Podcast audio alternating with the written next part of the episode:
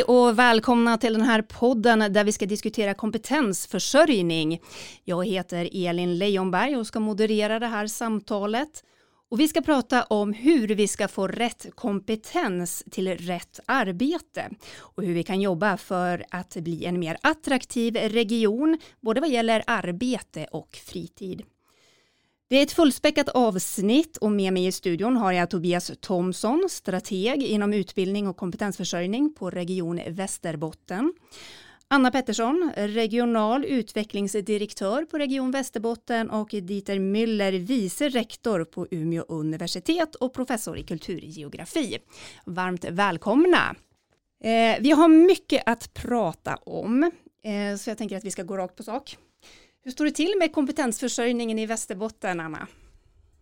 Ja, det är ju en otroligt spännande tid vi lever i. Det finns väldigt mycket och bred kompetens i Västerbotten, men jag tänker att grundutmaningen för oss just nu och de kommande åren, det är att vi skulle behöva bli väldigt många fler människor i Västerbotten som vill leva, bo, arbeta här Mm. Om man ser till vilka kompetenser som finns i dagsläget och eh, vad vi behöver framgent. Vad är det vi har gott om och vad är det vi behöver för typ av kompetens? Man ska kunna sammanfatta det som att vi egentligen har brist på allt.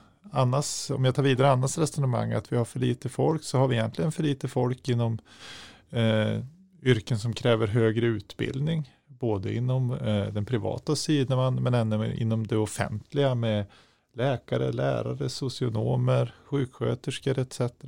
Men vi har också för lite folk med gymnasial utbildning inom industri, tillverkning och andra yrken. Så att eh, det något tråkiga svaret är allt på något sätt.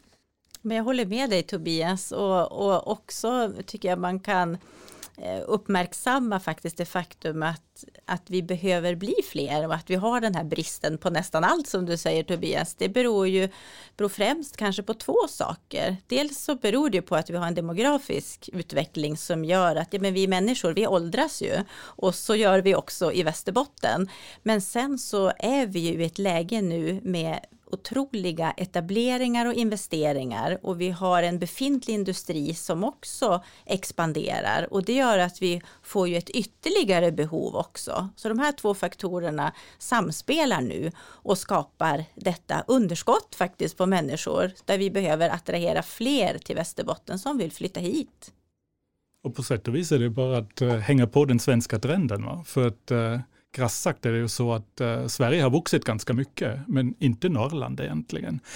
Och den enda tillväxten som har varit riktigt stort i Norrland, det är egentligen Umeå. 60 procent av alla eh, som flyttade in, eller av all befolkningstillväxt i norr, övre Norrland har skett i Umeå under de senaste tio åren. Så det är Umeå som växer väldigt mycket, men däremot har ju liksom inte alla andra kommuner tyvärr hängt med i den trenden. Så det krävs fler människor, helt klart.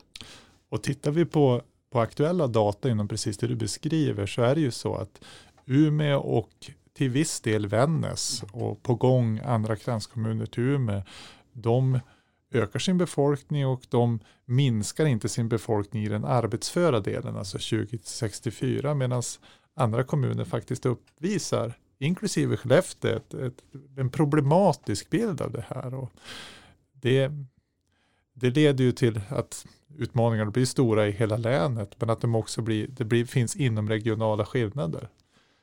Vi har en, en Umeåregion som kanske sköter sig själv, ska man vilja säga, med både kompetensförsörjning och tillväxt. Men där övriga delar, där, där behövs det mer. På vilket sätt jobbar regionen med den här frågan då? Ja, men regionala, de regionalt utvecklingsansvariga har sedan ett decennium tillbaka egentligen ett ansvar för regional kompetensförsörjning. Det har hetat lite olika. och Det handlar om att samordna resurser, alltså se till att människor pratar med varandra, tar fram underlag och analyser, jobba med etableringar och även varsel. Och, och det uppdraget, det består ju och därför så sitter vi väl bland annat här idag och pratar tillsammans med många andra myndigheter och aktörer. Men det som är spännande och också lite nytt, det är ju, du nämnde just det här Tobias med varsel, att det är något som ingår, har ingått under många år för oss då som regionalt utvecklingsansvarig, att eh, ha beredskap inför och kunna agera och bidra i sådana situationer. Men nu är vi ju i ett läge där det handlar om motsatsen. Det handlar om kraftig expansion, det handlar om kraftig tillväxt och det handlar om att kommuner, arbetsgivare och eh, region behöver tillsammans hitta hitta och utveckla metodik för att fånga de här utmaningarna faktiskt. För det är ju väldigt stora möjligheter som finns just nu för Västerbotten och egentligen för hela norra Sverige att eh, ta vara på de här tillväxtmöjligheterna och se till att vi också gör verklighet av det. Mm. Eh, ja, vi har ju de här stora etableringarna som ni har pratat om, eh, men kan man se till exempel att pandemin har påverkat rekryteringsbehovet på något sätt i någon riktning? Det vi kan säga om pandemin är att Västerbotten är det minst påverkade länet. Alltså vår arbetslöshet har påverkats minst under pandemin eh, och eh, vår tillväxt har så att säga fortsatt. Vi har en ganska stabil basindustri och eh, det har funkat bra. Men den här pandemin är ju ett litet fartgupp på något sätt i den långa tiden och vi måste nog se liksom den långsiktiga utvecklingen mer. Men det är en enorm styrka att ta med oss alltså, hur robusta vi ändå har stått under pandemin. Jag skulle också säga att en, en sak som man kan notera med pandemin är ju också att vi alla har lärt oss att bli mycket mer digitala. Va? Och det ger ju helt nya möjligheter också för, jag tänker nu om man, om man pratar om sammanhållningen i länet, va? Att, att kombinera, att bo kanske i kusten vid Umeå eller i Skellefteå och samtidigt vistas en del av tiden i en inlandskommun eller, eller någon annanstans där man, vill, där man drivs. Så, så jag tror det, liksom, det, det kan vara till fördel att vi har lärt oss att leva ett sånt liv. Inte för alla, inte all, långt ifrån alla kommer att ha möjligheten att dra nytta av det, men, men för en del kan det liksom bidra till att, att, eh, att göra regionen ännu attraktivare egentligen. Jag tänker att vi, vi ska prata mer om digitaliseringens roll. Eh, och jag har pratat med Ingela Bottke som är projektledare för HAR, Hållbara arbets och tjänsteresor i Västerbotten. Och hon tror att just resandet blir ett hinder för människor eh, när de ska kunna bo på ett ställe och arbeta på ett annat. Och jag tänkte vi ska lyssna på vad hon säger. Vi har ett stort län med många möjligheter. Och bor man i inlandet då är det långt att resa mot kusten. Bor man i kusten så tänker man nej men det är så långt borta så att jag tror att vi tappar hjälpa folk mellan kust och inland. Hur tänker du att man skulle kunna lösa det problemet då? Jag tänker faktiskt att 2020 med de här digitala lösningarna eller det påtvingade digitala lösningarna har ju varit en del i det här. Vi har vant oss med tekniken nu. Vi har provat. Både organisationer och individer har sett det funka att jobba hemifrån. Alla kan ju självklart inte göra det, men för de som har gjort det har det fungerat över förväntan? Däremot så ser man ju såklart att man saknar sina kollegor, man saknar den här interaktionen med andra människor. Men möjligheten finns. Jag kan sitta här i Lycksele och jobba mot London. Tror du att eh, det här är någonting som kommer bestå när restriktionerna släpper? Svar ja, absolut, men kanske på en annat form, i en annan form. Vi behöver hitta riktlinjer, både som arbetsgivare och som medarbetare känna efter vad funkar för mig. Vi har sett här att många vill gärna jobba hemifrån men man vill ha en egen möjlighet att påverka. Man vill inte göra det kontinuerligt men man vill ha möjligheter. Men tror du att, eh, att företagen kommer att fortsätta se den här möjligheten? Oh ja. De organisationer vi själva har pratat med, där är ju företrädarna på tårna.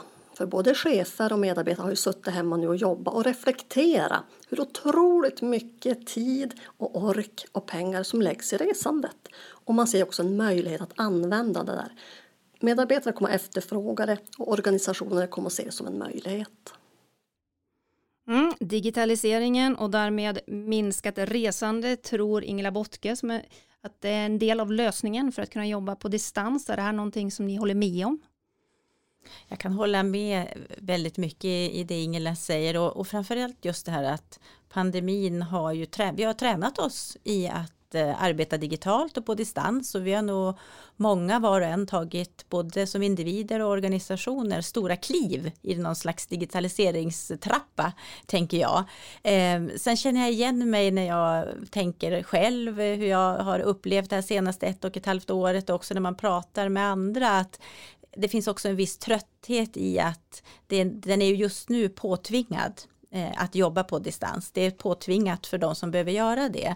Och jag tror att det är väldigt många som ser fram emot att vi ska kunna kombinera eh, det fysiska mötet med det digitala eller med distansmötet och hitta en kombination som är det som lämpar sig bäst för verksamhetens behov och för individens behov också. Att man liksom kan hitta någon slags jämviktsläge som fungerar för eh, oberoende på vilken organisation och vilket uppdrag man har då förstås. Så jag tror att vi fortsättningsvis också kommer att ha väldigt stora behov i Västerbotten av att ha en riktigt god infrastruktur så att liksom både vägar, jag tänker de fysiska vägarna, järnvägen och flyget, eh, men också de digitala motorvägarna, att bredbandet och uppkopplingen fungerar väldigt bra. Eh, för jag tror att vi kommer fortsatt att behöva kunna förflytta oss också så att vi kan hitta en bra, en bra kombo helt enkelt mellan distans och eh, fysiskt sätt att arbeta och mötas. Men finns det någon risk att det slår över? Människor har längtat nu efter att få resa och träffa andra människor. Eh, att vi inte får den här effekten som man hoppas på. Att man istället börjar resa, kanske till och med mer än vad man gjorde tidigare. Ser ni någon sån risk? Ja, jag, jag tror absolut att man kommer att resa mer faktiskt. Just, just på grund av att man kommer att utnyttja de andra boenden man har till exempel. Men vi ser ju redan idag att det har varit ett väldigt stort intresse för fritidshus. Eh, och det är kanske folk som bara har bott i stan. Men plötsligt kan de också bo någon annanstans. Så de kommer att åka plötsligt. Och det har de inte gjort tidigare. Eh, och jag tror många kommer att lösa det så att de kanske sticker på torsdag eller fredag redan till sina stugor och jobbar där en eller två dagar. Eller gör långhelger där eller vad det nu kan vara. Så jag tror man kommer att helt enkelt fördela sin tid över flera ställen. Jag tror inte att vi kommer att se att många flyttar nödvändigtvis till inlandskommuner. Men däremot kommer man tillbringa mycket tid där. Det ställer liksom sen nya utmaningar för skattesystemet och så vidare. Men, men det är en annan, en annan fråga. Jag tänkte att vi ska ägna ett annat poddavsnitt åt det du har berättat dit om det tyska skattesystemet kontra företagande och boende, men det tar vi en annan gång. Men jag vill lyfta ett annat, jag tycker att det här med, men, men vad ska man säga, jobba på distans eller köpa kompetens på distans har även andra sidor, för att vi kan ju faktiskt se en situation där man inte där man kan rekrytera kompetens på distans och då behöver de inte bo där. Och för en liten kommun så är det här, det finns två sidor av det här myntet. Om du kan ha fjärrundervisning med lärare, du kan ha en geriatriker hörde jag om igår, som finns på distans för, för äldre inom, och du kanske kan ha andra tjänster inom kommun eller företagande som inte behöver bo. Vad blir då kvar i ett differentierat arbetsliv? Vad behöver man ha kvar? Så jag tror att vi måste, möjligheterna håller jag helt med om, men vi måste också bevaka hur vi säkerställer att kompetensen finns här. För på samma sätt, det är lika långt, långt åt bägge håll mellan Lycksele och London. Mm. Kan 5G, tror ni, spela någon roll i det här? Jag tänker att 5G det ökar ju möjligheterna att göra sådana saker på distans som kräver väldigt hög precision exempelvis eh, är ju ett område som då lyfts fram. Eh, så, så det skapar ju ytterligare distans och digitaliseringsmöjligheter. Men jag tänker för att spinna vidare på det här, vi vill ju helst att kompetensen ska finnas eh, och vilja bo och leva och verka i Västerbotten. Det känns ju jätteviktigt att vi har platser som är så attraktiva, intressanta och känns som att de erbjuder så goda livsmiljöer för människor så att man väljer att slå ner sina bopålar här just hos oss. Eh, och då vet vi ju förstås att det räcker inte bara att ha väldigt intressanta och spännande jobb utan det krävs mer av ett samhälle samhälle för att man som individ ska välja att, att flytta till det samhället. Jag tycker att där skulle vi behöva utforska och kanske försöka förstå lite mer av de människor som vi vill ska komma nu till Västerbotten så att vi blir fler.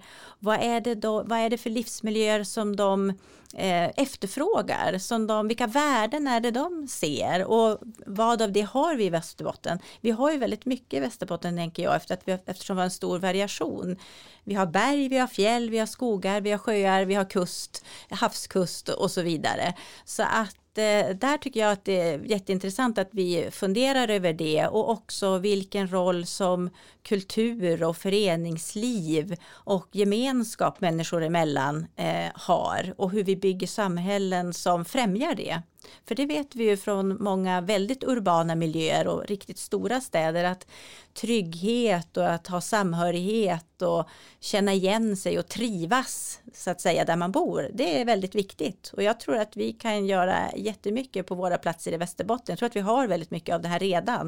Eh, men att det kanske inte är så känt för omvärlden vilka intressanta värden som finns i Västerbotten.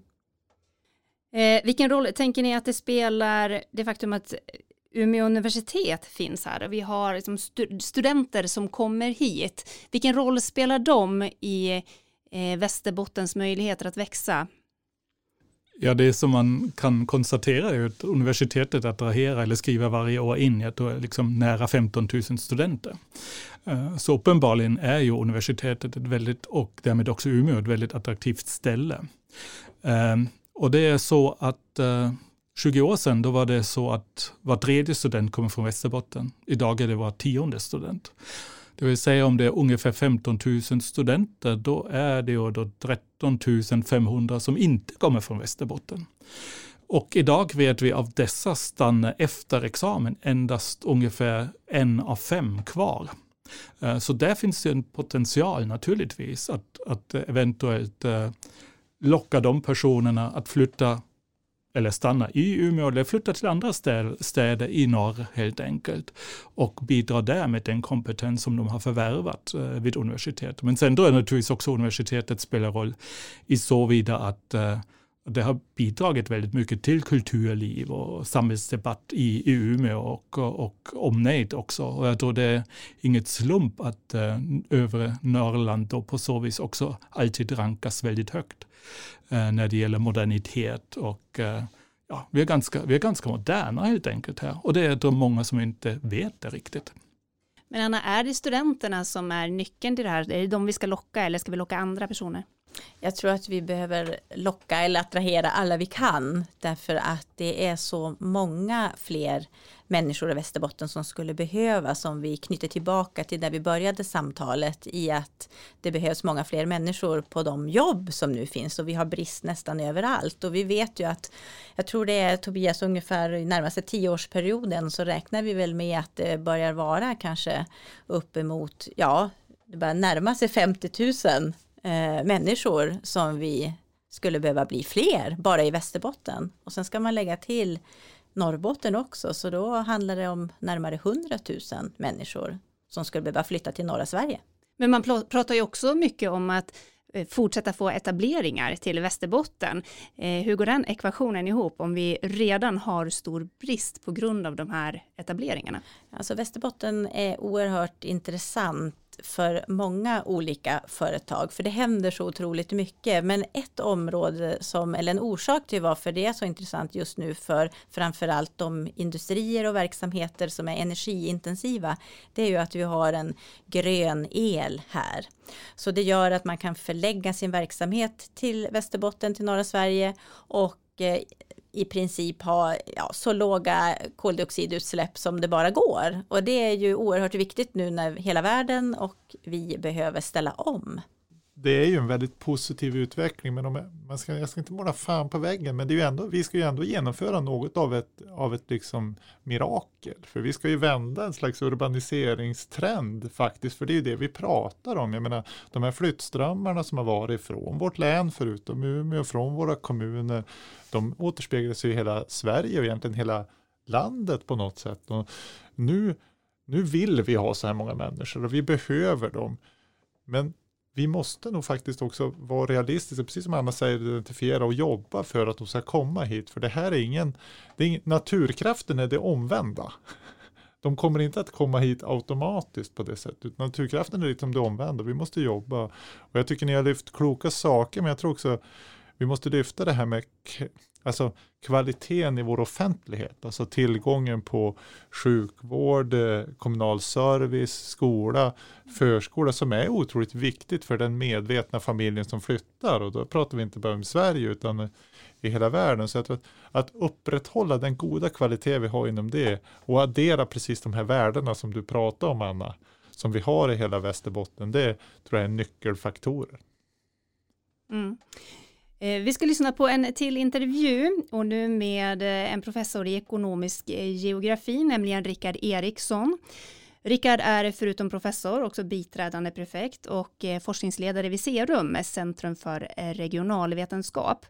Och han forskar om arbetsmarknad, strukturomvandling och regional utveckling. Och han tror att det kan bli svårt att få personer utan anknytning att flytta till ett ställe bara för att det finns jobb. Det finns en stark idé att man ska locka migranter utifrån. Men det är ju ofta så att det är, om vi tänker framförallt i den svenska kontexten, men många andra kontexter, att det är väldigt få som flyttar. Och man flyttar kanske till studier eller man flyttar för sitt första jobb. Men, men det, är, det, det är ett marginalfenomen att vi flyttar i Sverige. Och därför är det ju, är det ju kanske, man kanske inte ska satsa alla sina pengar på att locka migranter utifrån på det sättet. För det, det, det är väldigt få som gör det. Och där ser man ju också, men vad är då en attraktiv plats? Det, är ju, det är ju, handlar ju mycket om tillgång till samhällsservice exempelvis. Att det ska finnas skola, det ska finnas vård. ser vi jättetydligt nu i relation till covid också hur viktigt det är att ha bra vård i närheten. Eh, men också att det ska kunna finnas andra samhälls typer av samhällsservice, vill säga, men arbetsförmedling, försäkringskassa, polis och så vidare. Att det, det signalerar i alla fall att här finns, det, här finns det en framtid på den här orten. Om du får sticka ut hakan då och säga vad som verkligen skulle krävas för att vi ska kunna säkra kompetensförsörjning i Västerbotten framöver?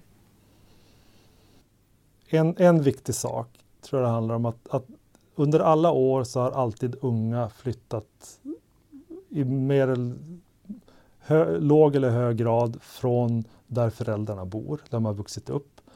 Det är en jätteviktig del i att någonstans lära sig fler saker, träffa nya människor, bli exponerad för nya miljöer.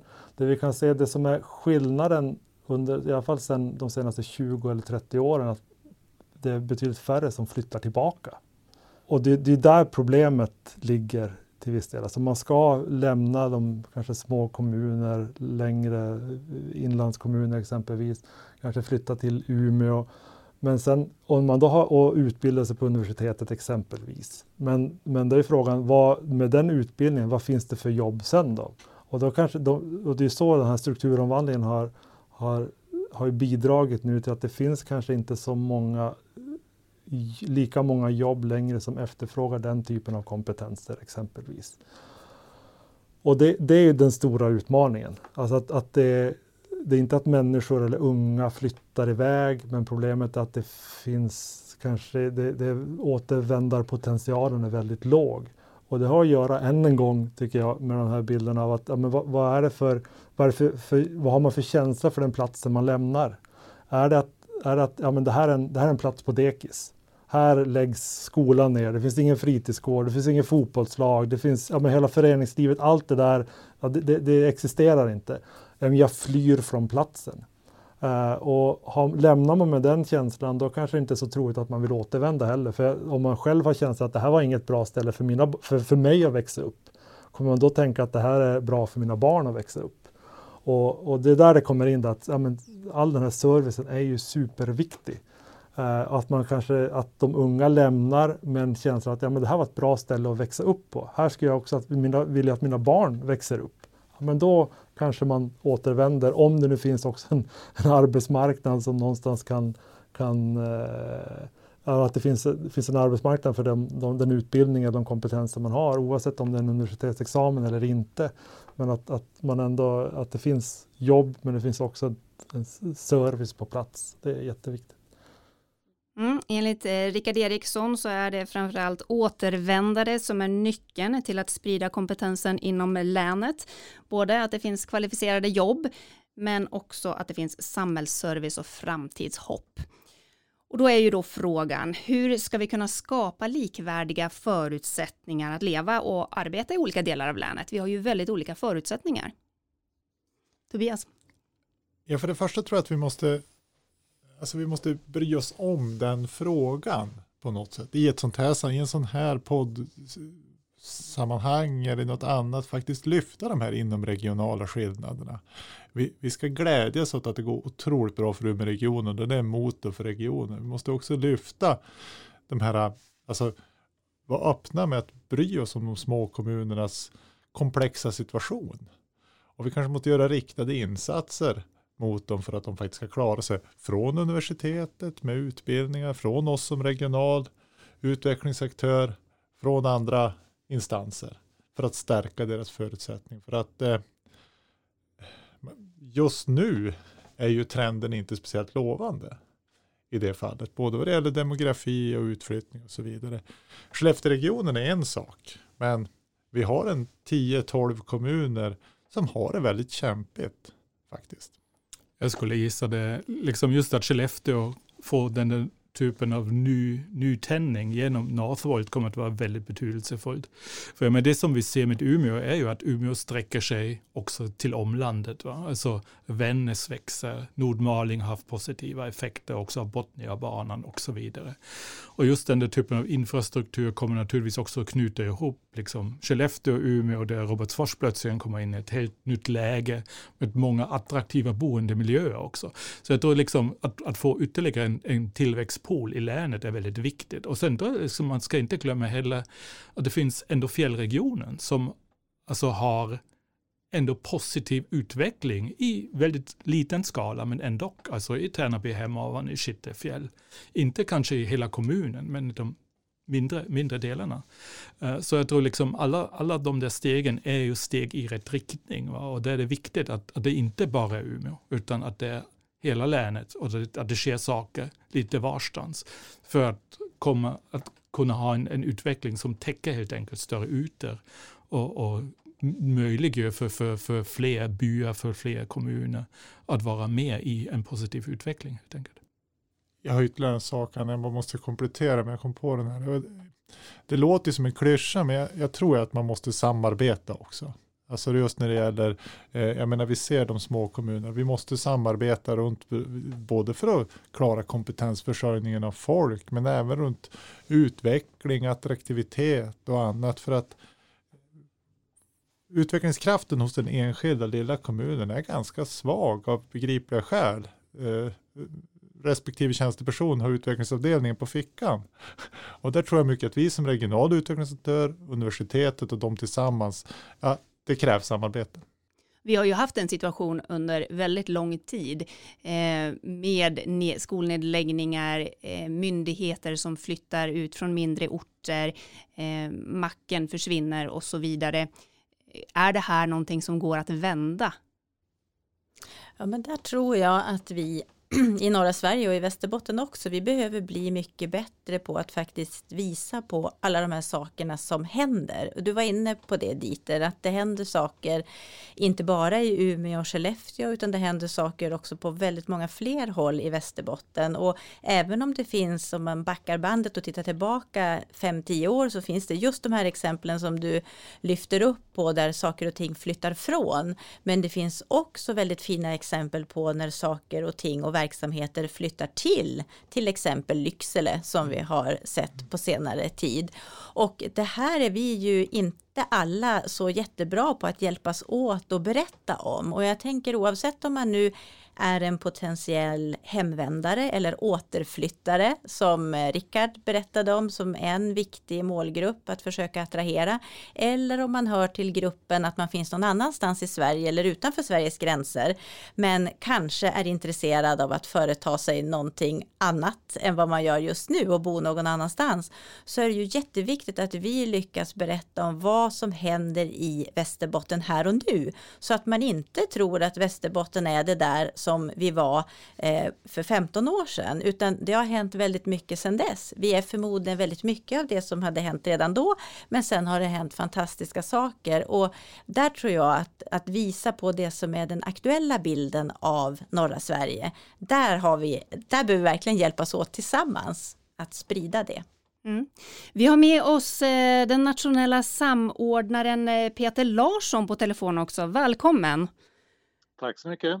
Peter, du har som uppgift att främja koordineringen vad gäller större företagsetableringar och expansioner i Norr och Västerbotten och du har suttit och lyssnat på det här samtalet. Hur går dina tankar? Ja, det är ett mycket intressant samtal och framförallt väldigt öppet skulle jag vilja säga att eh, också våga se problemen. För det är klart, man skulle kunna sätta ett, eh, ett annat, en annan metafor på det att eh, överlag så måste man jobba upp, uppströms mot strömmen och det vet vi att när man ska paddla uppströms så är det lite tuffare. Men det innebär väl också att det inte är omöjligt på något sätt. Eh, men mitt uppdrag handlar ju utifrån de eh, stora etableringar som nu kommer att ske under ganska lång tid och som omfattar 15-20 000 nya direkta arbetsplatser och med allt vad det innebär också indirekt. Och eh, det är alltifrån vad man säger att elektriciteten ska komma fram, att vägar behöver byggas.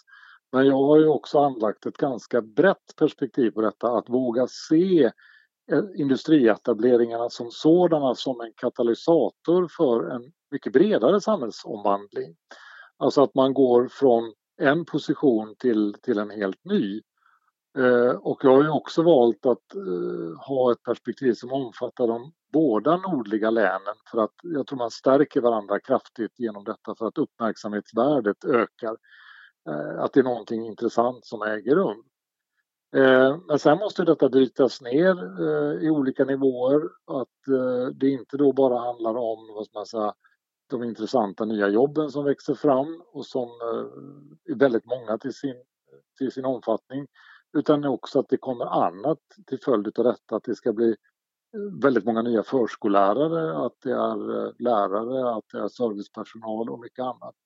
Och det där att det äger rum samtidigt skapar ju nya möjligheter. För ska du bara rekrytera inom en näring, då är det mycket svårare att gå utomläns eller utomlands ifrån. Men däremot om det omfattar många fler personer och många fler kategorier, då, då förenklar det. Ser du någon risk i att det, att det konkurrerar ut andra mindre kommuner eh, i länet?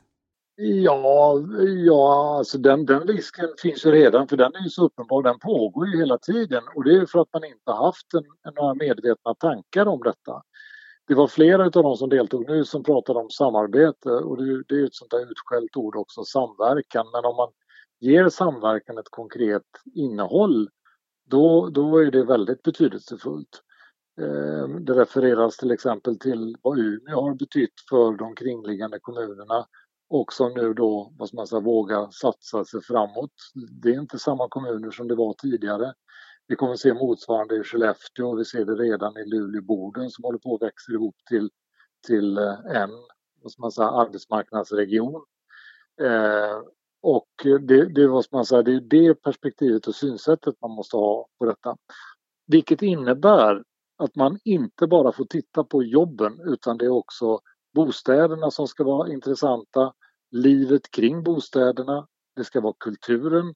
Min första replik när jag fick uppdraget då i mitten av december, det var vad kan Northvolt göra för, eller vad kan Norrlandsoperan göra för Northvolt? Och det var för att knyta ihop det i vad man säger, en enda mening, nämligen att om en kommun eller en region har tillväxtkraft, då, då får den det genom vad man säger, en aktiv kultur, den får den genom vad man säger, annan typ av utbud än bara det som handlar om, om de enskilda jobben. Vi har pratat om samverkan. Vad ser du att det krävs av eh, kommunala, regionala och nationella aktörer för att kunna säkra kompetensförsörjningen framgent? Ja, det, det är att aktivt jobba med det hela tiden eh, och utgå ifrån vad ska man säga, styrkefaktorer av olika slag.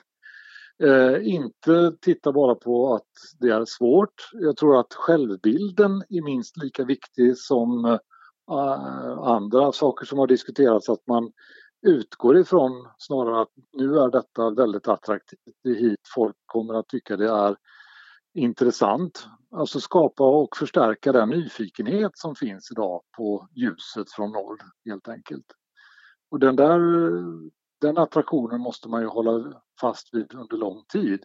För det är inte någon enstaka sak som kommer att vända de gamla samhällstrenderna utan det är vad man en kombination utav många olika saker.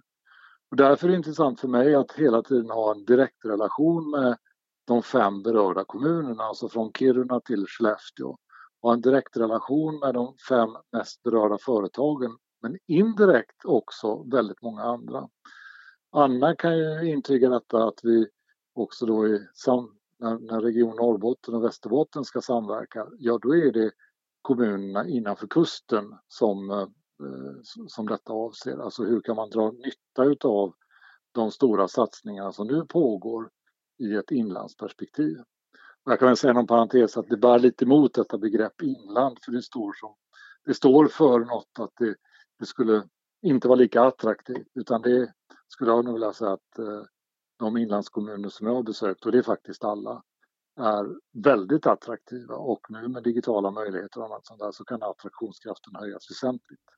Men på vilket sätt ser du då att, att eh, mindre kommuner eh, i Västerbotten, Norrbotten exempelvis kan dra nytta av de här eh, större etableringarna vid kusten?